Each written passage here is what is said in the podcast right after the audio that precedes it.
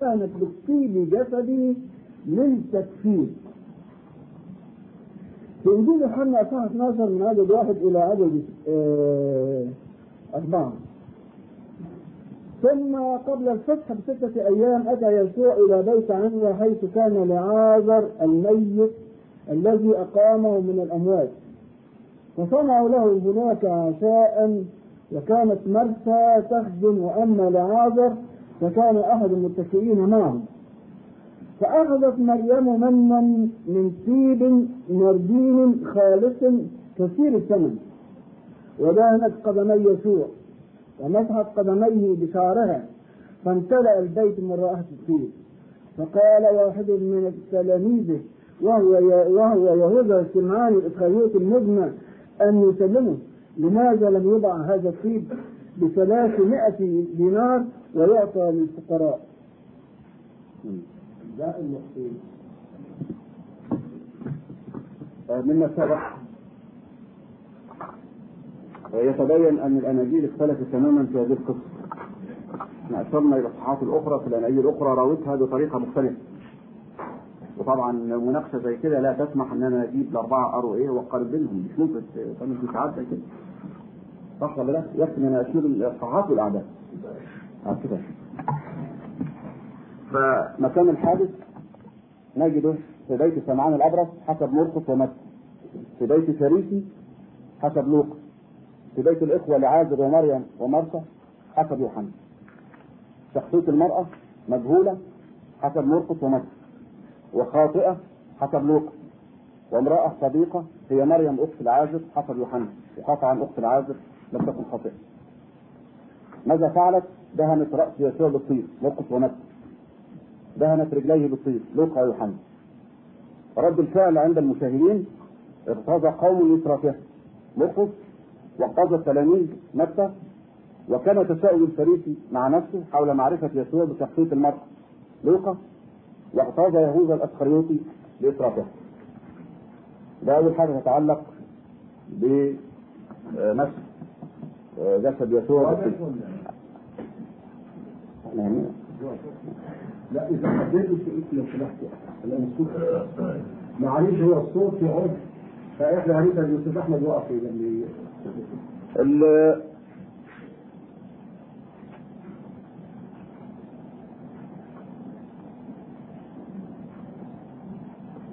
معلش عشان اختار كل الكبار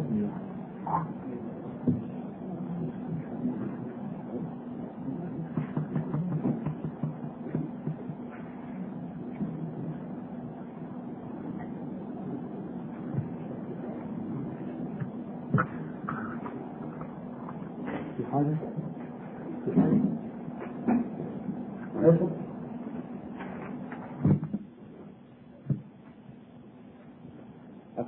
للعشاء الأخير. يقول مرقس إصحاح 14 عدد 12 16 وفي اليوم الأول من الفطير حيث كانوا يذبحون الفطر قال له تلاميذه أين تريد أن نمضي ونعد لتأكل الفطر فأرسل اثنين من تلاميذه وقال لهم اذهبا إلى المدينة فيلاقيكما إنسان حامل جرة ماء- جرة ماء فدعاه وحيثما يدخل تقولا لرب البيت أن المعلم يقول أين المنزل حيث آكل الفطر مع تلاميذ. فهو يريكما علية كبيرة مفروشة معدة. هناك عد لنا. فخرج تلميذاه وأتى إلى المدينة ووجد كما قال لهما فعد الفطر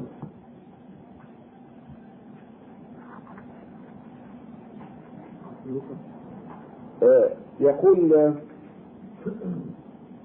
يذكر إن أغلب المفسرين يعتقدون أن هذه الفقره آه، إنما كانت في الواقع إضافة ادخلت فيما بعد إلى الرواية التي كان يتبعها القديس مرقس في هذا الجزء من إنجيله.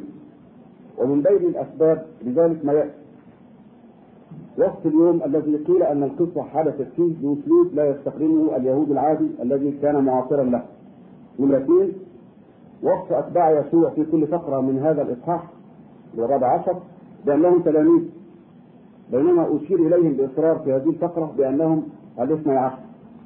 نمرة ثلاثة أن كاتب العدد 17 الذي يقول ولما كان المساء جاء مع الاثني عشر لا يعلم شيئا عن رحلة التلميذين التي ذكرت في العدد 13 فلو فلو كان كاتب العدد 17 يعلم محتويات تلك الفقرة لكان عليه أن يتحدث عن العشرة وليس عن الاثني عشر أي أن العدد 17 كان يجب أن يقرأ هكذا ولما كان المساء جاء مع العشر كانوا بعض اثنين قبل كده.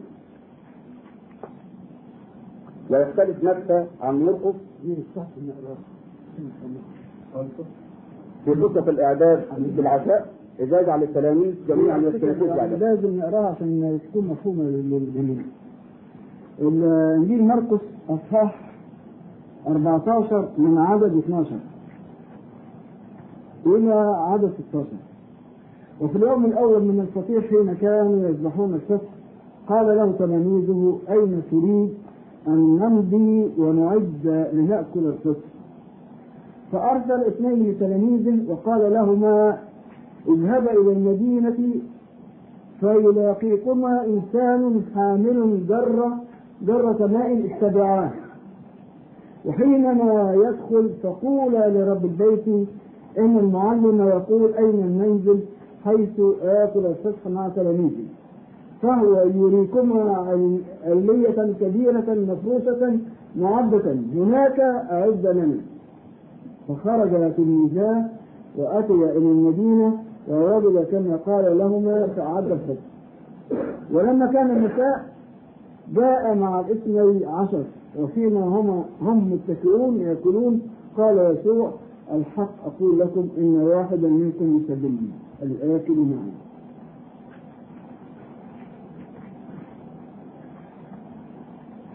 النقطة اللي بعد كده. توقيت العشاء الأخير وأثره على قضية الصلاة. ودي نقطة مهمة جدا. وكل يعني علماء المسيحية والمثقفين من رجال الكهنوت يعلموا أن يوحنا يختلف عن الثلاثة في العشاء الأخير وبالتالي في توقيت الصلاة. يوحنا لم يجعل العشاء الأخير لتلاميذه عشاء الفطر. لكن الثلاثة المتشابهة جعلوه عشاء الفطر. ويترتب على كده إن يوحنا جعل المقبوض عليه بحساب أيامنا تتم عملية القبض مساء الأربعاء ويوم الخميس. على آخر النهار كده يذبح أو يعلق على الصليب يذبح كما تذبح قراءة الفطر بينما الثلاثة الآخرين جعلوا عملية المطلوب يطلع على الصليب يوم الجمعة ما من شك أن الصلب يعتبر أحد الركائز أو العقائد الأساسية في المسيحية. إذا اختلفنا في التوقيت بهذه الصورة يبقى الحكم ده متروك يبقى ما قرناش.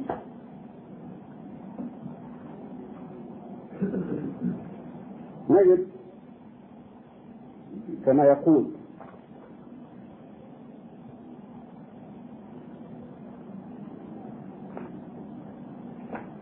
جون سيمسون يتفق متى مع مرقس بأن العشاء الأخير كان هو الفطر وعلى العكس من ذلك نجد الإنجيل الرابع يجعل الفطر يؤكل في المساء بعد موت يسوع يوحنا ذكر ده فين؟ 18 لصح 18 عدد 28 ويرى أغلب العلماء أن توقيت كل من متى ومرقس صحيح وأن يوحنا قد غير ذلك لأسباب عقائدية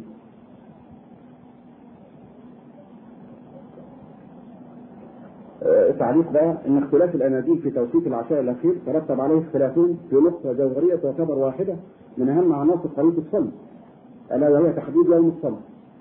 إذا أخذنا برواية مرقس ومتى ولوقا لكان يسوع قد أكل الحسن مع تلاميذه مساء الخميس ثم كان القبض بعد ذلك بالقليل وفي مساء الخميس ذات وبذلك يكون الصلب قد حدث يوم الجمعة. أما الأخذ برواية يوحنا فإنه يعني أن القبض كان مساء الاربعاء وأن الصلب حدث يوم الخميس هل حدث الصلب يوم الخميس ام يوم الجمعة؟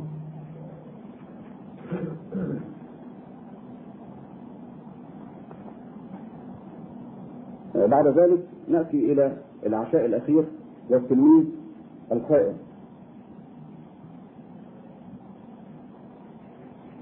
يوحنا الإصحاح 13 والعدد 21 اقرأ الكلام ده.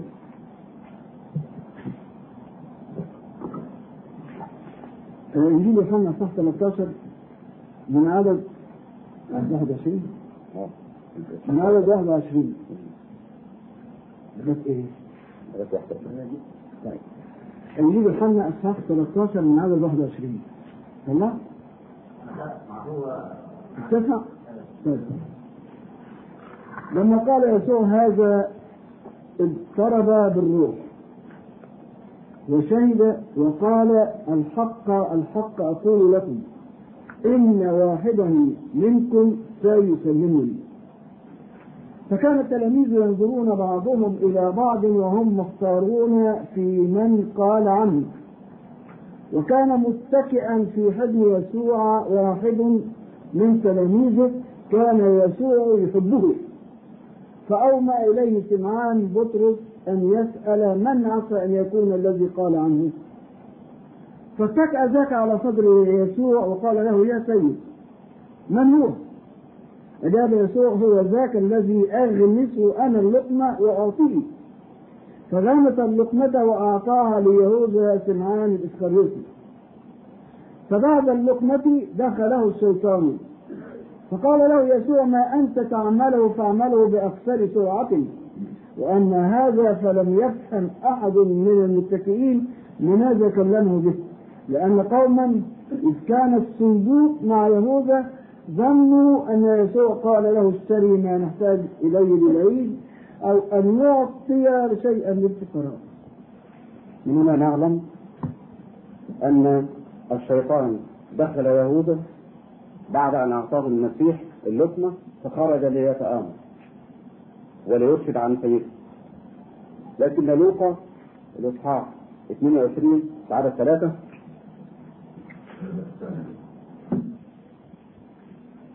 لوقا 22 على 3 بيقول أن الشيطان دخل يهوذا. فدخل الشيطان في يهوذا الذي يدعى الإسكريوطي وهو من جملة الاثني عشر.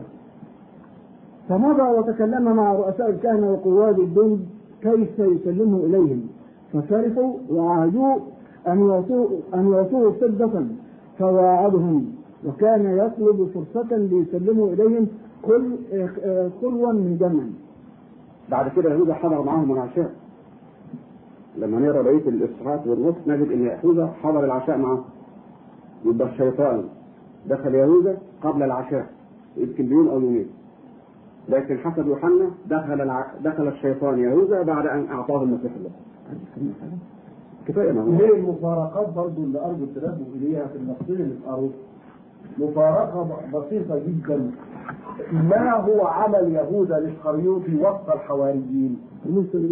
أمين الصندوق يعني الرجل المؤتمن على المال يهوذا الإسخريوطي أمين الصندوق زي ما أنتم شايفين ومع ذلك باع المسيح نفسه بكام؟ ب 30 قطعة فضة يعني لا تزيد بتقديرنا الآن على 20 30 قرش ولا تزودهم؟ لا هو يعني المهم في النقطة دي هي إن 30 من فضة للأسف ثمن حمار في ذلك الوقت.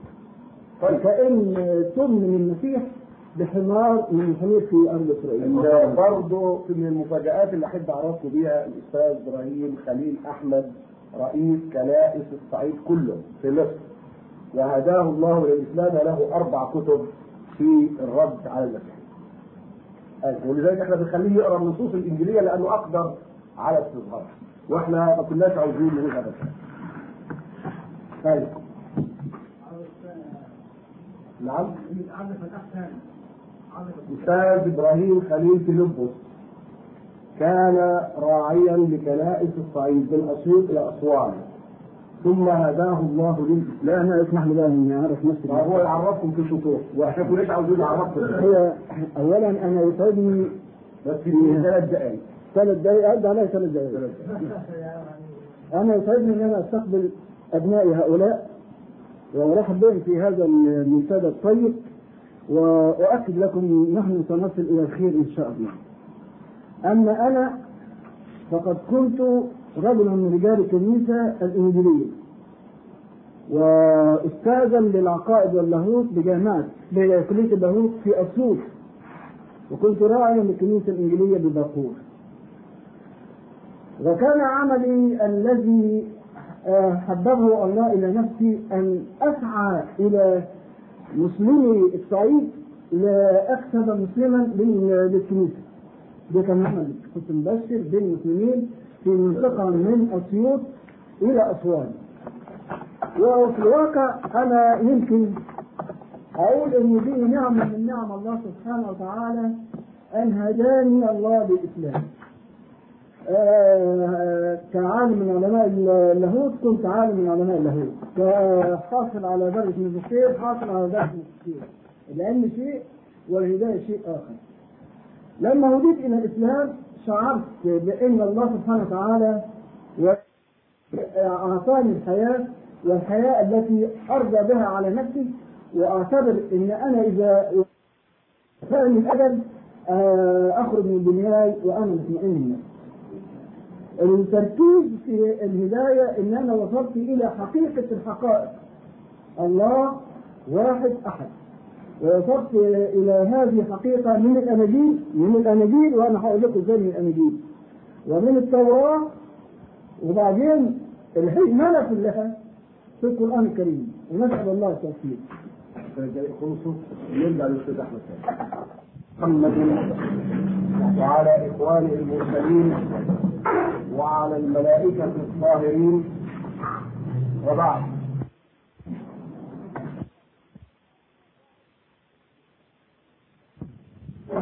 سبحان ربك رب العزة عما يصفون. وسلام على المرسلين. والحمد لله رب العالمين. وقل الحمد لله الذي لم يتخذ ولدا. ولم يكن له شريك في الملك. ولم يكن له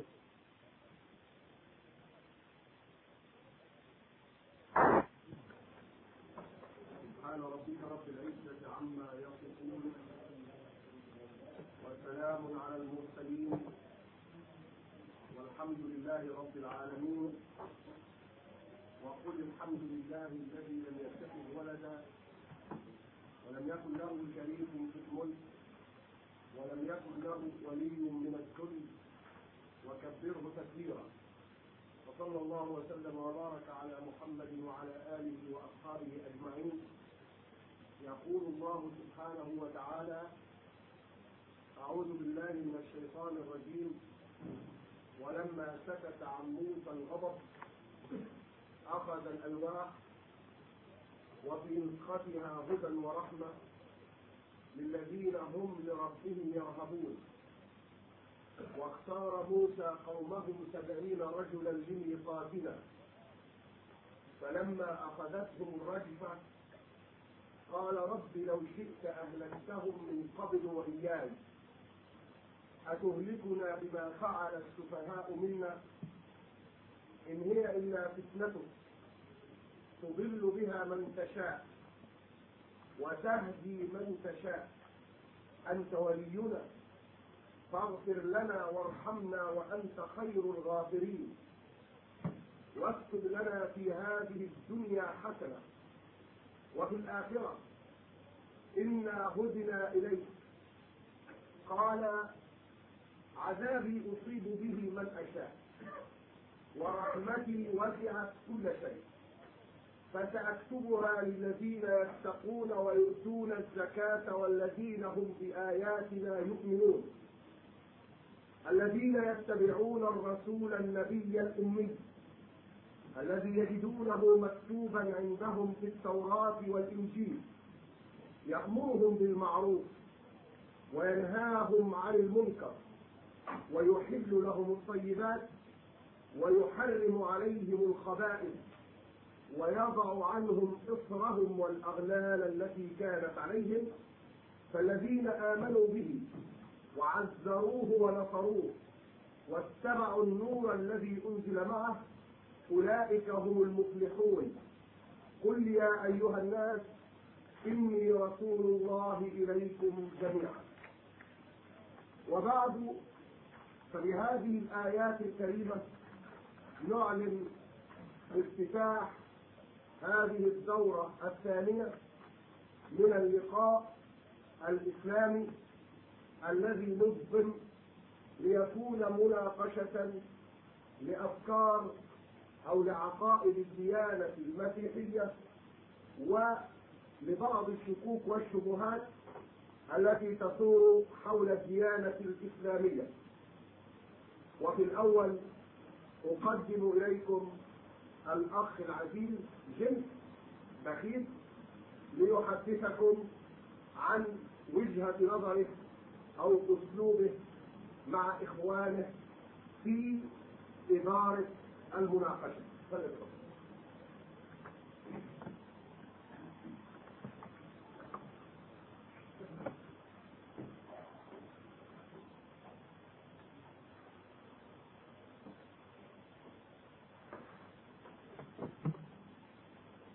أيها السادة الكرام نشكر الله على مساعدتنا لمواصلة ما بدأناه من نقاش روح حادث فيما يختص ببعض الأمور المسيحية والإسلامية أملا لإزالة الشكوك من نفوس الإخوة الذين تقدموا للالتقاء بسيادتكم. ولا شك على أنكم تتوقعون الإجابة أي الرد على ما دار في النقاش السابق. ولكن نسبة لظروف خارجة من إرادتنا لم نحضر أي رد وسيوضح الأخ فضيلة الملحق الديني السعودي بالخرطوم. هذه الظروف. وشكرا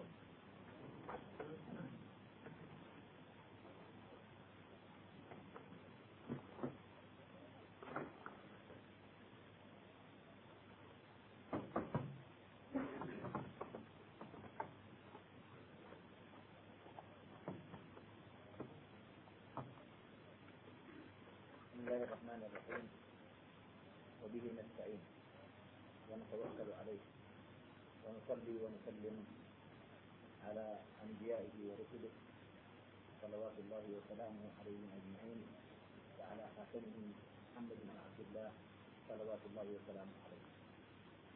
كان من الطبيعي أن يدرس الاخ وزملائه النقاش التي دار في الليلة قبل الماضية ثم يحضر هذه الليلة وجهات نظرهم حيال ما دار في النقاش.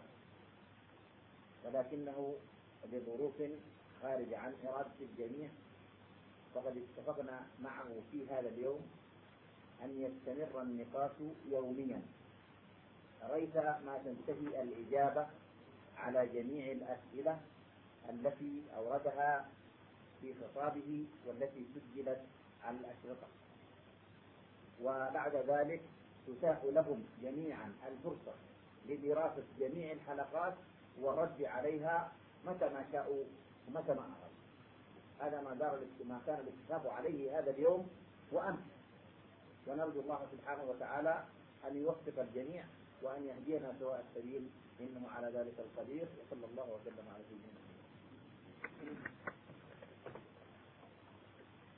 في الدورة الأولى تحدث سيادة الأخ العالم اللواء مهندس أحمد عبد الوهاب في الدورة الماضية حول قانونية الأناجيل وبقيت هناك بعض الأسئلة التي تدور وإن كان قد ألم سيادة اللواء جزاه الله كل خير بها. ولكننا نريد أن نعيد هذه الأسئلة مرة ثانية. هذه الأسئلة التي سبق أن طرحناها تدور حول هل يمكن للباحث العلمي أن يقطع أن هناك الآن إنجيل ينسب إلى المسيح؟ ولقد تفضل سيادته في الإجابة. فوضح أن هذه التناقضات الموجودة في الأناجيل على رغم قلة حجمها لأن الأناجيل قليلة جدا في الحجم. فهذه أو هذا هو حجم الأناجيل كلها.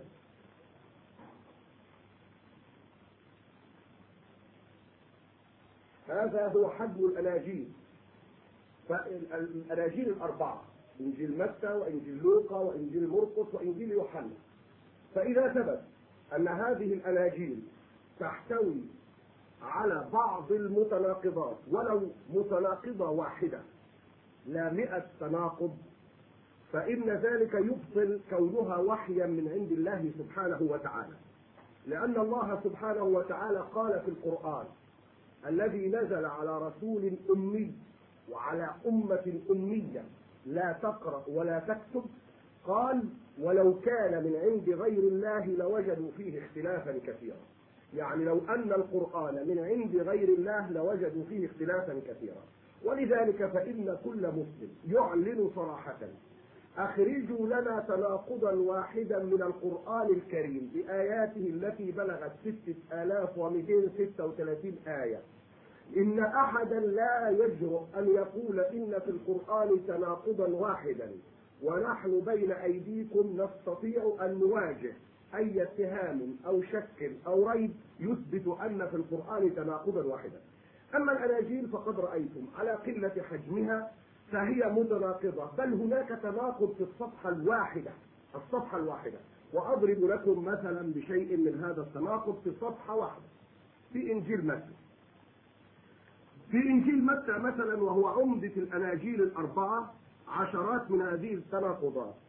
ويمكن أن نشير إلى بعض منها من غير من غير تحيز.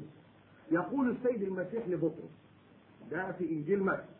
أحد الحواريين الإثنى عشر. وأنا أقول لك أيضا أنت بطرس. وعلى هذه الصخرة أبني كنيستي. وأبواب الجحيم لن تقدر عليها. وأعطيك مفاتيح ملكوت السماوات. فكل ما تربطه على الأرض يكون مربوطا في السماء. وكل ما تحله في الأرض يكون محلولا في السماوات. إذا بطرس. الله سبحانه وتعالى كما يقول النص قال له أنت صخرة وأنت قوي وأن الشياطين لا تستطيع أن تدخل من خلالك ولا أبواب الجحيم. وأن عليك أبني كنيستي. ثم أعطاه ثم أعطاه وعدا أو عهدا عجيبا.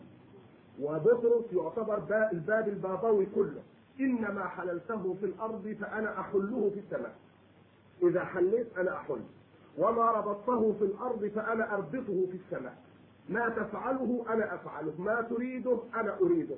إذا إرادة الله تابعة لإرادة بطرس وهذا هو الذي جاء في القرآن الكريم حيث قال الله سبحانه وتعالى وقالت اليهود عزير ابن الله وقالت النصارى المسيح ابن الله. ذلك قولهم بأفواههم. ومن الإعجاز القرآني وده سيوضحون الاستاذ إبراهيم فيما بعد يضاهئون قول الذين كفروا من قبل لأن الديانة المسيحية منقولة عن الديانات الوثنية كالمصراتيه وغيرها وهذا سنوضحه بالوثائق.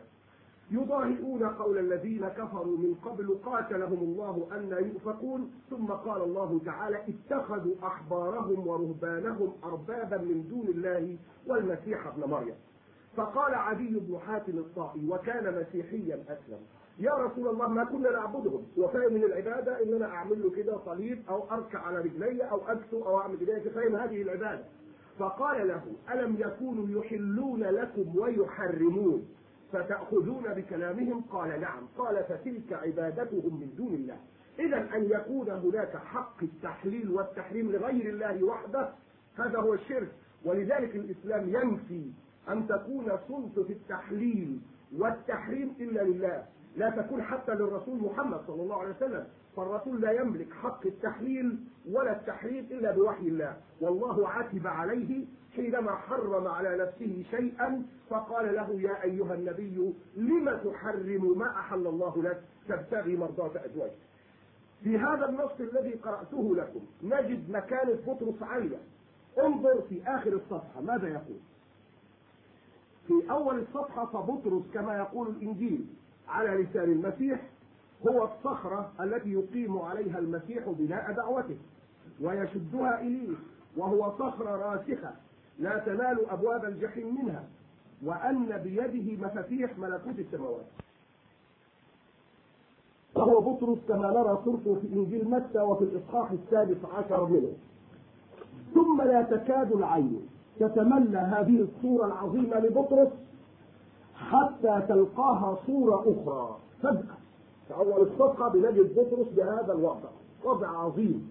الله إذا أحل بطرس شيء يحله. إذا حرم بطرس شيء يحرمه. انظر في آخر الصفحة ماذا يقول. نجد صورة مضادة تماما. تمسخ هذا الحواري مسخا. وتحيل من إنسان إلهي إلى شيطان مريض. فجأة. بعد ما كان هو اللي ربنا بيمشي وراه. أصبح شيطان وأين ذلك؟ في إنجيل متى نفسه. وفي نفس الإصحاح. وبعد عددين اثنين. يعني سطرين اثنين. شرط سطرين. وبعد سطرين اثنين فقط من كلمات السيدات المبشرة له يجيئه الوعد. يقول متى؟ من ذلك الوقت. ابتدأ يسوع. يظهر لتلاميذ يظهر لتلاميذه أنه ينبغي أن يذهب إلى أورشليم ويتألم كثيرا من شيوخ ورؤساء الكهنة والكتبة ويقتل وفي اليوم الثالث يقوم.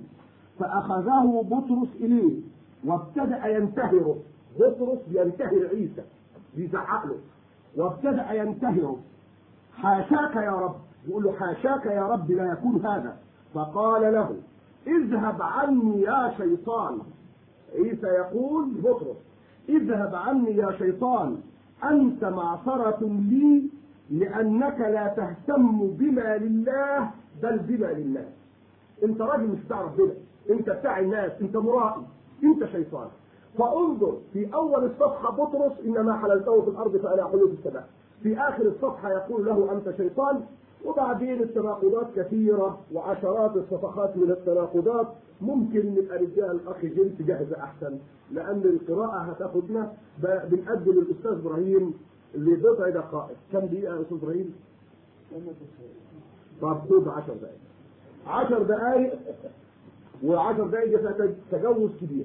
لأن إحنا عاوزين نقضي آه ساعتين على الأقل مع سيادة اللواء حول موضوع الصلب والفداء قبل أن نتطرق إلى موضوع الصلب والفداء الأستاذ إبراهيم خليل أحمد أستاذنا وهو لسه جزاه الله عنا كل خير استجشم هذه المتاعب وجاءني يسعى بعد أن يعني أرسلت إليه تليفون الدكتور لي وجزاه الله كل خير. الأستاذ إبراهيم هيتكلم عن بعض المتناقضات وإن شاء الله هنرجو إنه يلم بكل الأسئلة اللي وردت أو يبرزها لنا الإجابات سيادة اللواء إن شاء الله.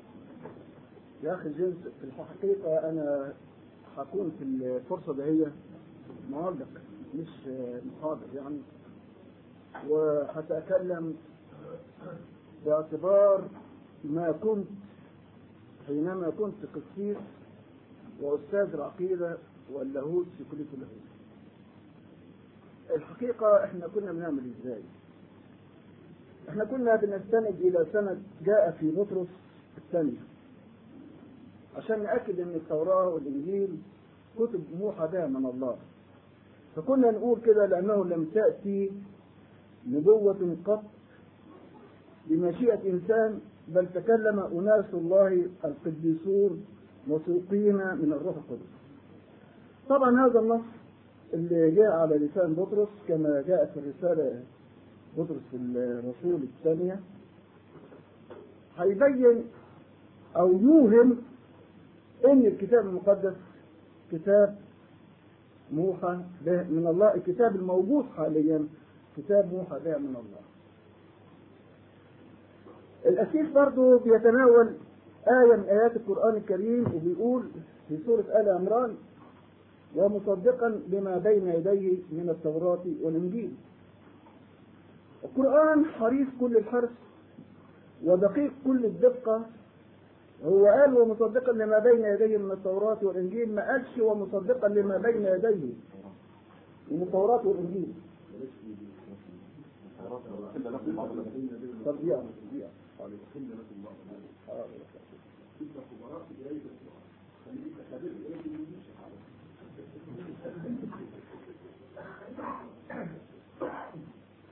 أن نزل عليك الكتاب بالحق مصدقا لما بين يديه وأنزل التوراة والإنجيل.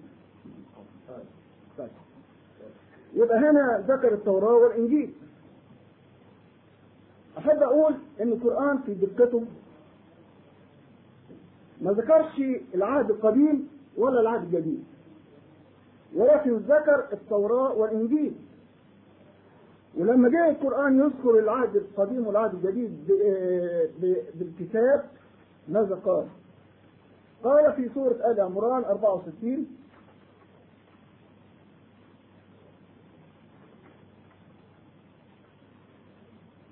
قل يا أهل الكتاب تعالوا إلى كلمة سواء بيننا وبينكم إذا لما ذكر الكتاب التوراة والإنجيل والأنبياء وكله هنا بدأ القرآن يوجه التوجيه السليم لأهل الكتاب. قل يا أهل الكتاب تعالوا إلى كلمة سواء بيننا وبينكم ألا نعبد إلا الله ولا نشرك به شيئا. إذا في هنا توجيه وفي تصحيح وجاء أيضا في سورة النساء ال- الآية 171 يقول الله سبحانه وتعالى يا أهل الكتاب لا تغلوا في دينكم ولا تقولوا على الله إلا الحق. إنما المسيح عيسى ابن مريم رسول الله وكلمته ألقاها إلى مريم. وروح منهم فآمنوا بالله ورسله. ولا تقولوا ثلاثة انتهوا خير خيرا لكم. إنما الله إله واحد سبحانه وأن يكون له ولد له ما في السماوات وما في الأرض وكفى بالله وكيلا. وجاء في سورة المائدة أيضا برضه عن أهل الكتاب يقول الله سبحانه وتعالى في سورة المائدة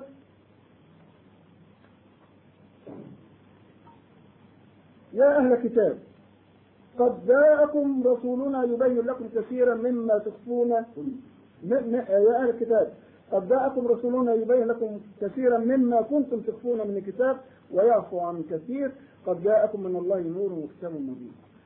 لما جاءت الإشارة إلى الكتاب جاءت الإشارة إلى الكتاب بالتنويه إلى التصحيح وإلى التوجيه. لكن لما جاءت الإشارة إلى التوراة وإلى الإنجيل جاءت الإشارة بالتصديق دون أن يذكر لا العهد القديم ولا العهد الجديد. نخرج من هذا إلى ال- إلى الأناجيل ذاتها. لما نيجي أنا إلى إنجيل لوقا عاوز أنا أتدبر إنجيل لوقا اتكتب إزاي الإنجيل ده هو هل هو كان موحى به من الله؟ نشوف. هل هو كان تحت تأثير وحي الله سبحانه وتعالى؟ نشوف. يقول لوقا إذ كان كثيرون قد أخذوا بتأليف قصة فهنا كلام بيوجه الأنظار إن الناس اللي عاشوا مع المسيح وعاصروا المسيح بدأوا يألفون قصة من القصص. إذ كان كثيرون قد أخذوا بتأليف قصة في الأمور المتيقنة عندنا. كما سلمها إلينا الذين كانوا منذ البدء ما قالش كما أوحيت إلينا من الروح القدس. كما سلمها إلينا في الأصحاح الأول. كما سلمها إلينا الذين كانوا منذ البدء ما قالش موحى بها من الروح القدس. معاينين وخداما للكلمة رأيت أنا أيضا إذ قد تتبعت كل شيء من الأول بتدقيق أن أكتب على التوالي إليك أيها العزيز فصيلك لتعرف صحة الكلام الذي أعلنت به. ولما نريد أن نستقصي حياة لوقا أهو من الاثني عشر أو من غيرهم نرى أنه من غير الاثني عشر من غير ال 12 تلميذ اللي كانوا مع المسيح ودي برضه لها يعني وزن في الكتابة لما نيجي إلى إلى شاول اللي هو أصبح بولس فيما بعد. أحبك. نتناقش مع بعض يا أخ جيمس ونشوف الموضوع ماشي إزاي. ففي أصحاح سبعة من الرسالة الأولى إلى أهل كورنثوس نشوف بيقول إيه؟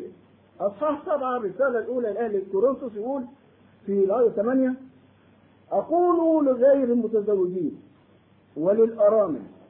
إنه حزن لهم إذا لبسوا كما أنا يبقى الكلام من بولس شخصيا وعايز الناس تكون زيه رغم آه، آه، يعني بلا زواج طيب هنيجي بالنسبة للمتزوجين. أما المتزوجون فأوصيهم لا أنا بل الرب. أن لا تفارق المرأة رجلها ودي الانفصال دون الطلاق يبقى هنا بيقول لك إيه؟ لا أنا بل الرب. نمشي شوية تحت كده يقول لك وأما الباقون فأقول لهم أنا لا الرب يعني مرة يقول ربنا قال ومرة هو يقول. يعني هو على مستوى الله سبحانه وتعالى في الكتابة يعني هنيجي كلام تاني. فأوصيهم لا أنا بل الرب. المرة الثانية يقول فأقول لهم أنا لا الرب هنا دخل كبير جدا أنا لا الرب يعني هو في مستوى الله سبحانه وتعالى في وضع ما كتب وبعدين أكثر من كده بيجعل المرأة المؤمنة لا مانع أن هي تت- تت- تتزوج إنسان مشرك. وده خطر كبير جدا على الحياة الزوجية بين امرأة مؤمنة ورجل مشرك. فهو يقول إيه بقى؟ والمرأة التي لها رجل غير مؤمن وهو يرتضي أن يسكن معها فلا تتركه بكلام مين؟ كلام بولس. في الرسالة الأولى إلى أهل كورنثوس. هذا الإنسان يا ترى مخه كان حاضر ولا كان غايب؟ وقت ما جه يصحح المسألة ويبين إن اللي قاله غلط كبير جدا ولا بد من التصحيح. هو قال إيه بقى؟ مفيش مانع إن المرأة المؤمنة تظل مع إيه؟ مع رجل غير مؤمن. لما نيجي في حالة اليقظة ما هو بعض الأحيان الإنسان بيسهو يكون مخمور ولا يكون يعني جرى له حاجة فبيسهو ما بيعرفش يقول إيه. فهنا بيقول إيه بقى؟ لا تكونوا تحت نير من مع غير المؤمنين لأنه أن يتخلف للبر والإثم وأن يتشارك للنور مع الظلمة وأي اتفاق للمسيح مع بلعال وأي نصيب للمؤمن مع غير المؤمن وأي موافقة لهيكل الله مع الأوثان. فإنكم أنتم هيكل الله الحي كما قال الله إني سأسكن فيهم وأسير بينهم وأكون لهم إلها وهم يكونون لي شعبا. لذلك اخرجوا من وسطهم واعتزلوا يقول الرب. هذا الكلام جاء في الرسالة الثانية إلى أهل كورنثوس وجاء في الأصحاح السادس من عدد 14 إلى عدد 18 يعني في الرسالة الأولى بيقول يعني والمرأة التي لها رجل غير مؤمن وهو يرتضي أن يسكن معها فلا تتركه. هذه مرة يقول فلا تتركه والمرة الثانية يقول اعتزلوا وفي هذا ذبذبة في الكلام ودي يعتبر مانuscript يعني كتب مقدسة واجب تصديقها تصديق أعمى. نيجي إلى المسيح قدام منه العذارى فهو يقول لك إيه؟ في آه، رسالة برضه الأولى إلى أهل كورنثوس اصحاح سبعه وأما العذارى فليس عندي أمر من الرب فيهن ولكنني أعطي رأيا كمن رحمه الرب. أن يكون أمينا. فأظن أن هذا حسن لسبب الضيق الحاضر انه حسن للإنسان أن يكون هكذا. وأعتقد يا أخي جيمس الظنية في كتب مقدسه رهيبة جدا. لا يمكن اعتماد- الاعتماد عليها. لما يقول واظن إن هذا حسن. تعال أكثر من كده. المفروض إن الزواج في النصرانية لا انفصام له إلا بالموت. فإذا شاء أن امرأة تزوجت برجل وكرهت الرجل ده وعايزه تتخلص منه بأي كيفية من الكيفيات. الشريعة بتقول لما يموت تتجوز فالإنسانة تفضل منتظرة ساعة الوفاة عشان تتخلص من الراجل الشؤم اللي كان كابوس على حياتها عشان تشوف غيره وتتمتع بحياتها الدنيا. فنيجي يقول إيه بقى؟ المرأة مرتبطة بالناموس نومس اللي هو الشريعة. ما دام رجلها حيا ولكن إن مات رجلها فهي حرة لكي تتزوج بمن تريد في الرب فقط. ولكنها أكثر غبطة. ولكنها أكثر غبطة إن لبست هكذا بحسب رأيي وأظن أني أنا أيضا عندي روح الله. هو مش مش مصدق نفسه. كان عندي روح الله ولا ما عنديش روح الله؟ وأظن أني أنا أيضا عندي روح الله. هذا الكلام لما يصدر من رجل كابولس ده يعطينا تشكك بصرف النظر عن التناقضات الموجودة. إنما هذا الكلام بالذات يعطينا تشتت رهيب في المسألة اللي هي جاءت في العهد الجديد. لما نيجي أنا للعهد القديم ونشوف الألاعيب اللي حصلت في العهد الجديد نرى إن سيدنا موسى عليه السلام كتب التوراة اللي هي الخمس خمسة أسفار الأولى. ولما كتب التوراة الخمس أسفار الأولى اداها للويين نشوف عمل إيه لما جاء اداها للويين ونشوف إيه اللي عمله بعد كده. فعندما كمل موسى كتابة كتابة كلمات هذه هذه التوراة في كتاب إلى 800 أمر موسى اللويين خذوا أمر موسى اللويين حاملي تابوت عهد الرب قائلا خذوا كتاب التوراة هذا وضعوه بجانب تابوت عهد الرب. إلهكم. ليكون هناك شاهدا عليكم. لأني خد بالك بقى جل لأني أنا عارف تمردكم ورقابكم.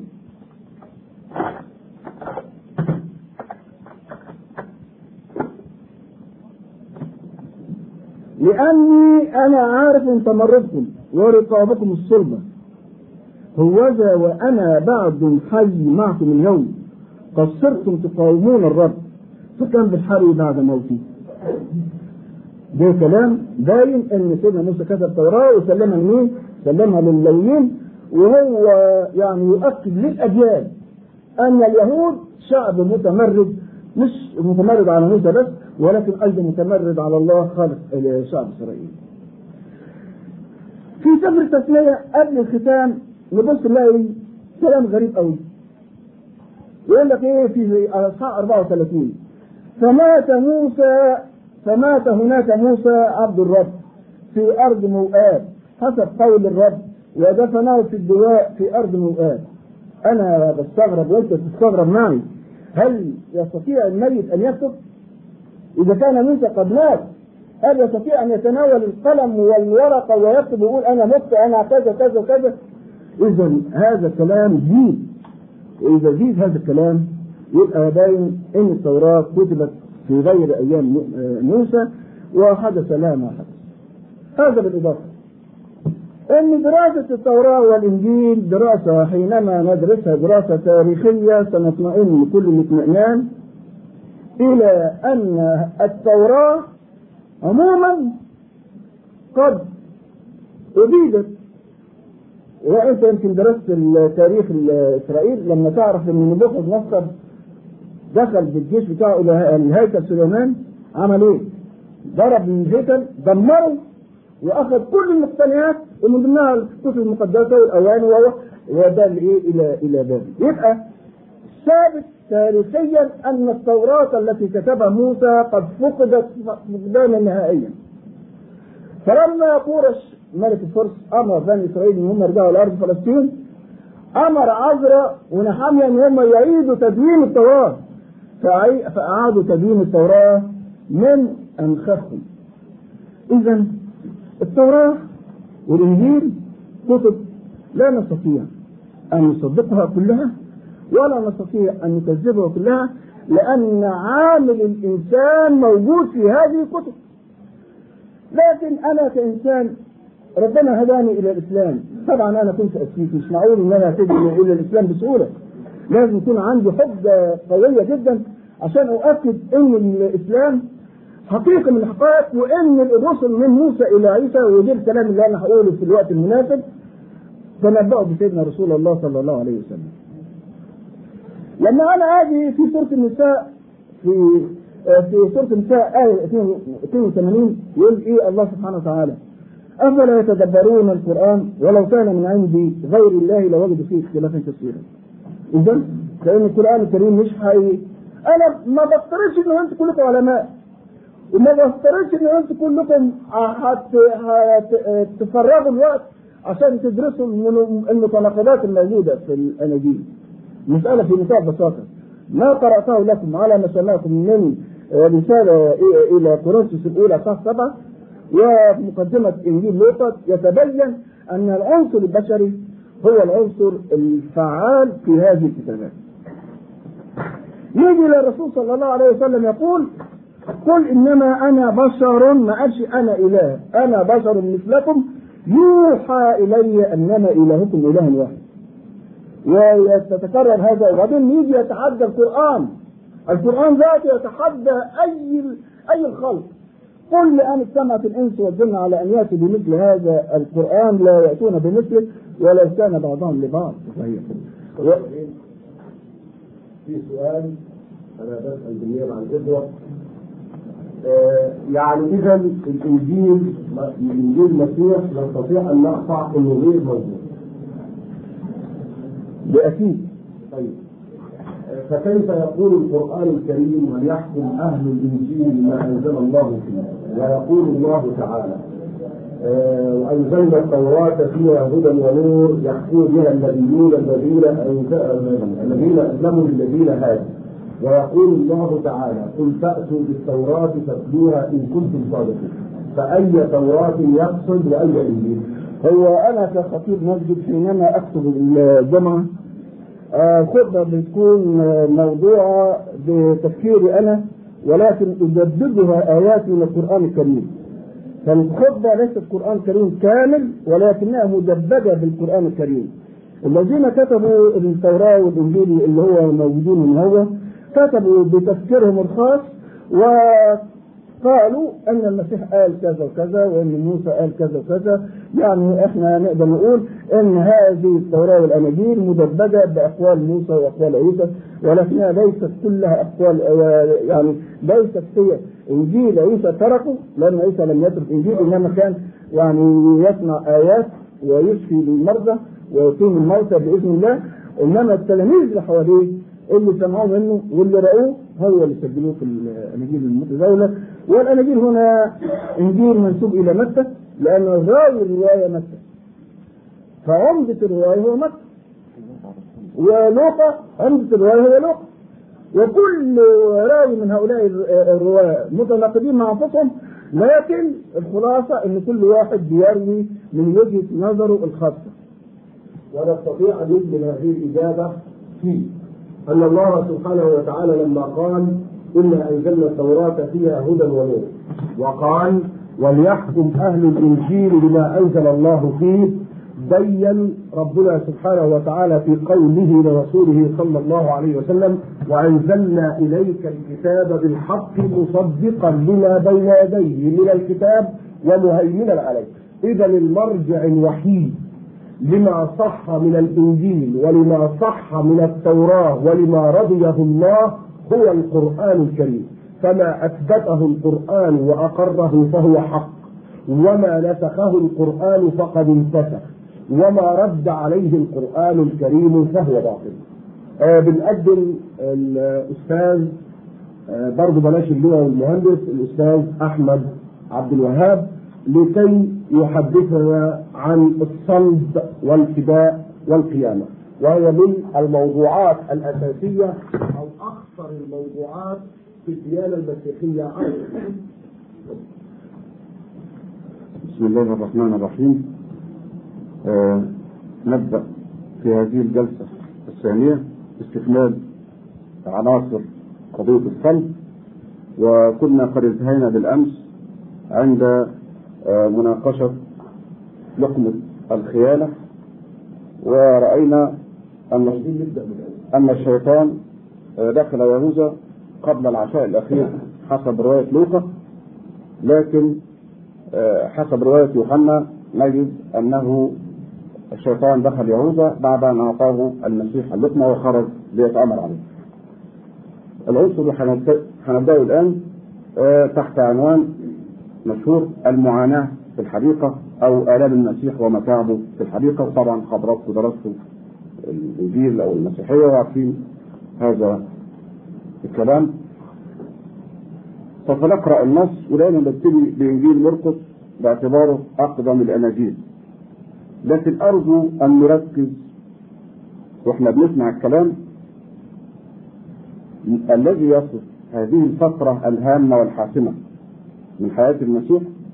عما إذا كانت الصورة التي رسمها كتبة الأناجيل للمسيح هنا تبين أنه جاء ليبذل دما فدية عن كثيرين ومن ثم كان الصلب وسفك دمه هدفا رئيسيا لرسالته. كما يقولون أم أن المسيح فوجئ بقوة الظلم تكاد تطبق عليه وأن حياته باتت مهددة. بالخطر بشكل لم يكن يتوقعه. ولذلك أصابته حالة من الرعب القاتل كان يود في كل لحظة من لحظاتها أن ينجو من الخطر وينقذ نفسه من الموت. يقول إنجيل مرقس الإصحاح 14 العدد 32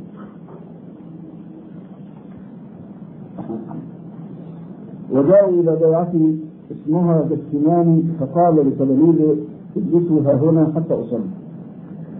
ثم أخذ معه بطرس ويعقوب ويوحنا وابتدأ يجهز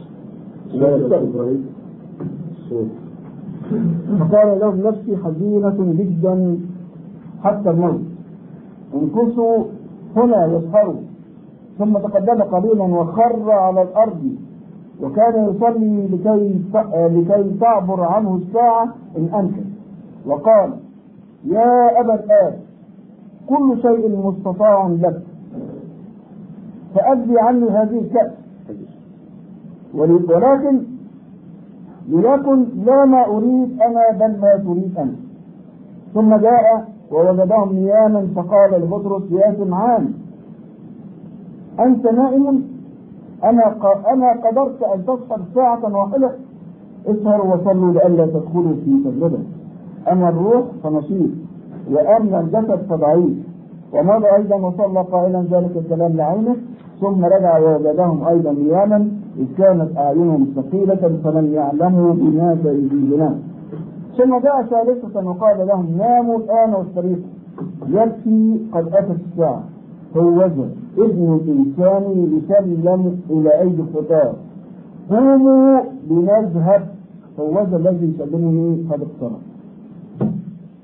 أبسط تعليق أبسط تعليق آه، واضح من المسيح لم يكن يتوقع هذه المفاجأة المذهلة.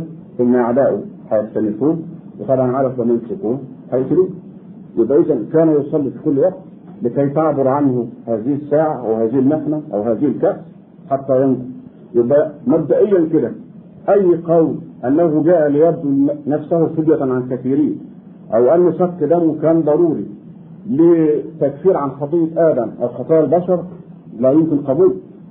وإذا كان عصيان آدم تكفير وقتل ابن الإله غصبا عن ابن الإله تبقى الكارثة الخطية تتضاعف وهجسه بعد ذلك نذهب لا. يقول بن اسماعيلهم لقد انقسمت الأراضي حول القيمة التاريخية لهذا الجزء وجرى تساؤل عما إذا كان يعتبر في الحقيقة جزءا من المصدر الذي روى عنه القديس مرقس ويؤكد آخرون أنه لم يكن في مقدور أحد أن يكون شاهدا لأغلب الحوادث المذكورة هنا كما لم يكن في مقدوره أن يعلم ماهية الصلاة التي صلاها يسوع وحيدا ولذلك فإنهم يعتبرون أن الصلاة النموذجية في العدد 36 وتكرارها ثلاث مرات إنما هي شيء مصطنع مثل القول بإنكار بطرس ثلاث مرات. إن القرار الموثوق منه حول حقيقة ما جرى في الحديقة مستحيل. انتهى. أستخدم كلمة انتهى عشان أصور النص غنيا عني عن هذا العالم. انتهى. أما رواية لوقا عن آلام المسيح فنجد فيها ما يجعلنا نعرضها. إذا أنها تقول وخرج ومضى كالعادة إلى جبل الزيتون. وتبعه أيضا تلاميذه. ولما صار إلى المكان قال لهم صلوا لكي لا تدخلوا في تجربة. وانفصل عنهم نحو رملة حجر وجثى على ركبتيه وصلى قائلا يا أبتاه إن شئت أن تجيز عني هذه الكأس ولكن لتكن لا إرادتي بل إرادتك. النقطة اللي هي المهمة وهي الجديدة واللي عليها تعليقات. وظهر له ملاك من السماء القوي وإذ كان في جهاد كان يصلي بأشد لجاجة. وصار عرقه كقطرات دم نازلة على الأرض. ثم قام من الصلاة وجاء إلى تلاميذه فجلهم نياما من الحزن فقال لهم بماذا أنتم نيام؟ قوموا وصلوا لئلا تدخلوا في تجربة.